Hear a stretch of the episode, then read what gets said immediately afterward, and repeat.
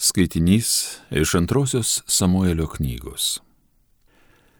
Karalius įsakė kariuomenės vadui Joabui. Pereik visas Izraelio giminės nuo Dano iki Beršebus ir suskaityk žmonės, kad aš žinočiau jų skaičių. Joabas karaliui pranešė tautos suskaitimo duomenis. Izraelis turys 800 tūkstančių kalavijų kautis galinčių vyrų, o Judas 500 tūkstančių. Paskuigi Dovydui pradėjo prikaišioti sąžinė, kam jis skaičiavęs tautą. Todėl jis tarė viešpačiui, aš sunkiai tuo nusidėjau, kad šitaip dariau. Atleisk viešpatie savo tarnui kaltybę, nes aš pasielgiau labai neprotingai. Rytą Dovydui keliant, pranašui Gadui Dovydo žiniui pasigirdo viešpati žodis. Eik ir pranešk Dovydui, tai sako viešpats, aš tau pateikiu tris dalykus. Vieną iš jų išsirink ir tai išsipildys. Gadas nuėjo pas Dovydą ir perdavęs viešpaties žodį paklausė. Tai kas turi ateiti? Treji metai bado tavo krašte, arba trys mėnesiai, kuriais tave persekios priešai, o tu nuo jų bėgsi, arba trys dienos maro, kuris siautės tavo krašte. Gerai pagalvok, ką aš turiu atsakyti tam, kuris mane siuntė. Dovydas Gadui atsiliepė, labai man baugu, geriau mums pakliūti į viešpaties rankas, nes didis yra jo gailestingumas. Žmonėms į rankas nenorėčiau patekti. Tad viešpats užleido Izraeliui marą. Jis tęsiasi nuo ano ryto iki nustatytos dienos ir tautoje nuo Dano lygi Beršebos išmirė 70 tūkstančių vyrų. Ištiesus angelui ranką, Jeruzalės linkui, kad jie pražudytų, pagailo viešpačiui blogio ir tarys angelų ištinkančiam žmonės, gana, nuleisk savo ranką. O angelas stovėjo šalia Jebuzito Araunos klojimo. Išvykęs angelą žudantį žmonės, Dovydas viešpačiui tarė, tai aš nusidėjau, nusižengiau aš, o šitos avelės ką josgi padarė. Tad kelk ranką prieš mane ir prieš mano namus. Tai Dievo žodis.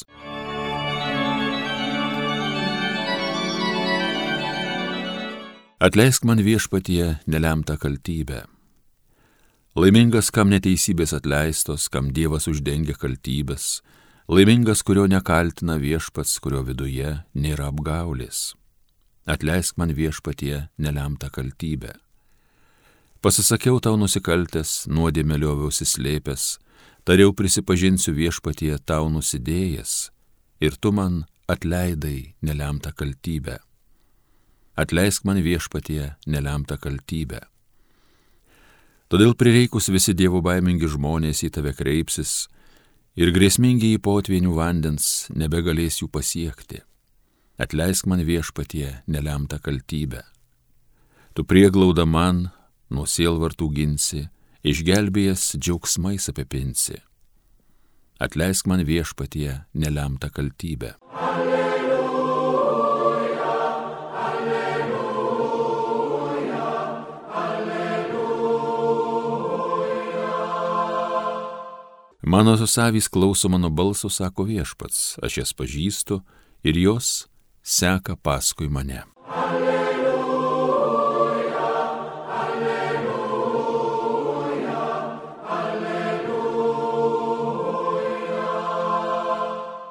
Iš Šventojios Evangelijos pagal Morkų. Jėzus mokinių lydamas perkeliauja savo tėviškę. Atėjo šeštadienį jis pradėjo mokyti sinagogoje. Daugelis girdėdami stebėjosi ir sakė, iš kur jam tai, kas per išmintis jam suteikta ir kas per stebuklai daromi jo rankomis. Argi jis nedailidė, ne Marijos sūnus, Jokūbo, Josės, Judo ir Simono brolis, Argi jo seserys negyvena čia pas mus? Ir jie piktinosi juo.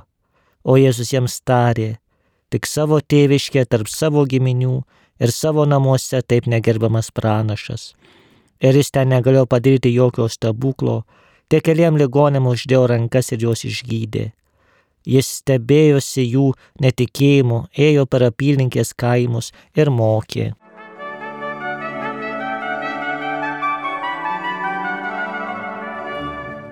Brangus Marijos radio klausytojai, šios dienos Evangelija mums perteikė tą Jėzaus sugrįžimą į savo tėviškę, į Nazaretą, kuris buvo užaugęs, per 30 metų gyveno, tarp savo kaimynų, bičiulių, giminių, draugų, tarp tų, su kuriais gatvėje žaidė, tarp tų, su kuriais mokinosi skaityti, tarp tų, su kuriais eidavo dirbti, taigi tarp savo, tarp savo gausios, sakytume, šeimos, nes tuo metu, aišku, maži miesteliai ir tuo metu žmonių nusiteikimas buvo visai kitoks, tai yra visi daugmaž vienas kitus pažinojo, visi daugmaž sudarė vieną bendruomenę. Taigi Jėzus jau pagarsėjęs kaip, kaip pamokslininkas, kaip stebukladarys, kaip gydytojas, sugrįžta į savo tėviškę, turbūt gandai apie jį pasiekė jau Nazareto gyventojus ir atrodytų turėtų visas miestelis džiaugtis štai iš jų, iš jų miesto, iš jų apylinkių išėjo pranašas. Net jeigu sakytume, jie netikėjo, kad ar nežinojo, kad Jėzus yra Mesijas, Dievo sūnus, tai bent tas suvokimas kaip Jėzaus kaip mokytojo, kaip pranašo, kaip tokio didingo žmogaus tikrai turėjo juos, juos sukrėsti ir turėjo pripildyti pasididžiavimo, džiaugsmo, kad štai, štai jisai iš mūsų tarpus yra mūsiškis, mes jį pažįstame, mes esame su juo, tačiau atsitinka priešingai, kaip girdėme Evangelijos ištrauką, teigia, jog gyventojai užuot džiaugiasi, ėmė piktintis, iš kur jam visą tai, mesgi jį pažįstame, jisai tikrai negali būti nei pranašas, nei mokytojas, jisgi Marijos sūnus, jo giminaičiai gyvena pas mus, kas jisai toks, kuo jisai čia save laiko. Tai yra pasipiktina, atmeta Jėzų ir jo žinios nepriima. Ir evangelistas Morkus labai susielvartu konstatuoja, kad sako, ten Jėzus negalėjo padaryti daug stebuklų. Ne dėl to, kad jis nenorėjo, ne dėl to, kad užpyko ant savo giminaičių, kad štai, sako, jūs manęs neprima, tai ir nematysit nei stebuklų, nei išgydymų. Bet tikroji priežastis yra tai, dėl jų netikėjimo, dėl širdies kietumo, Jėzus negalėjo jam padaryti jokio stebuklo. Ir tai yra labai perspėjantį žinia ir mum.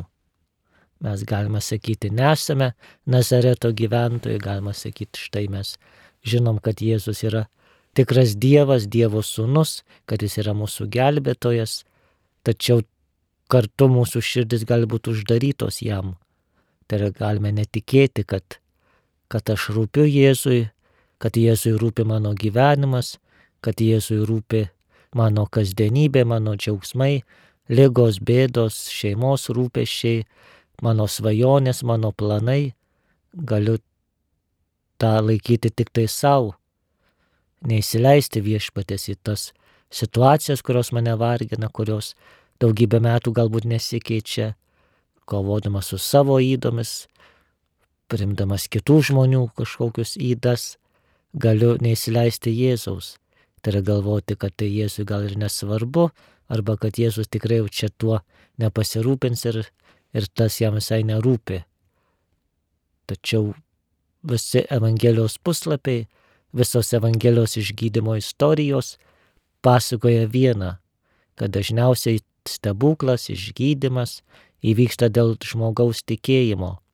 Sako, vakar girdėjome Evangeliją apie, apie kraujoplūdžių sergančios moters išgydymą, sako, mo, moteriai krami tavo tikėjimas tave išgydė. Sinagogos įvyresniajam, kurio dukrelė mirė, Jėzus sako irgi, nenusigask vien tikėk ir daugybė kitų dalykų, kur Jėzus sakydavo, ar, ar tiki, jog tave galiu išgydyti, ar nori. Tai yra viešpats stebuklui reikia tik vienos sąlygos - mūsų tikėjimo. Jeigu tikiu, jog viešpats yra čia, viešpats yra manyje, jog viešpats veikia, tada tikrai žinau, jog viešpats gali ir perkeisti tas sunkias situacijas, kuriuose esu. Nebūtinai tai kažkokia lyga turi būti, nebūtinai tai kažkokias mirštamas dalykas, galbūt tiesiog su kažkokiu žmogum santykiai nesiklosto, galbūt kažko, kažkur kažkokias rytis, už, kaip sakant, sakyt, kabutėse užšalus, viešpas tikrai rūpi jam viskas, net ir mažiausios smulkmenos. Kartais dėl jo valios reikia priimti ir lygos kryžių, reikia priimti ir sunkumų kryžių, bet tikrai viešpats visada nori, kad su pasitikėjimu jau prašytume. Ir šiandien minimas šventasis, šventasis Jonas Bosko arba Dom Bosko įvardinant yra to pavyzdys. Jisai su savo tik, pasitikėjimu Jėzumi, pasitikėjimu Marija krikščionių pagalba darė stebuklus. Ne tik reg, regimus įkūrė kongregaciją, iš nieko pastatė daugybę bažnyčių, turėdamas tik, sakytume, kelis, kelis eurus. Tačiau kiek jisai sielų paveikė, kiek to jaunimo, kuris buvo visų apleistas, kurio nieks nesirūpino, kiek jisai to tą sugebėjo atnaujinti ir perkeisti. Vien dėl to, kad tikėjo, jog Jėzus jį ragina, kviečia, jog tikėjo ir sakė, kad jeigu pasiduodame Marijos globai, mums nieko neatsitiks. Taigi užtariant šventajam Boskui ir mes prašykime to, to džiugaus pasitikėjimo viešpačiu, kad jisai mumyse ir per mus darytų stebuklus. Amen.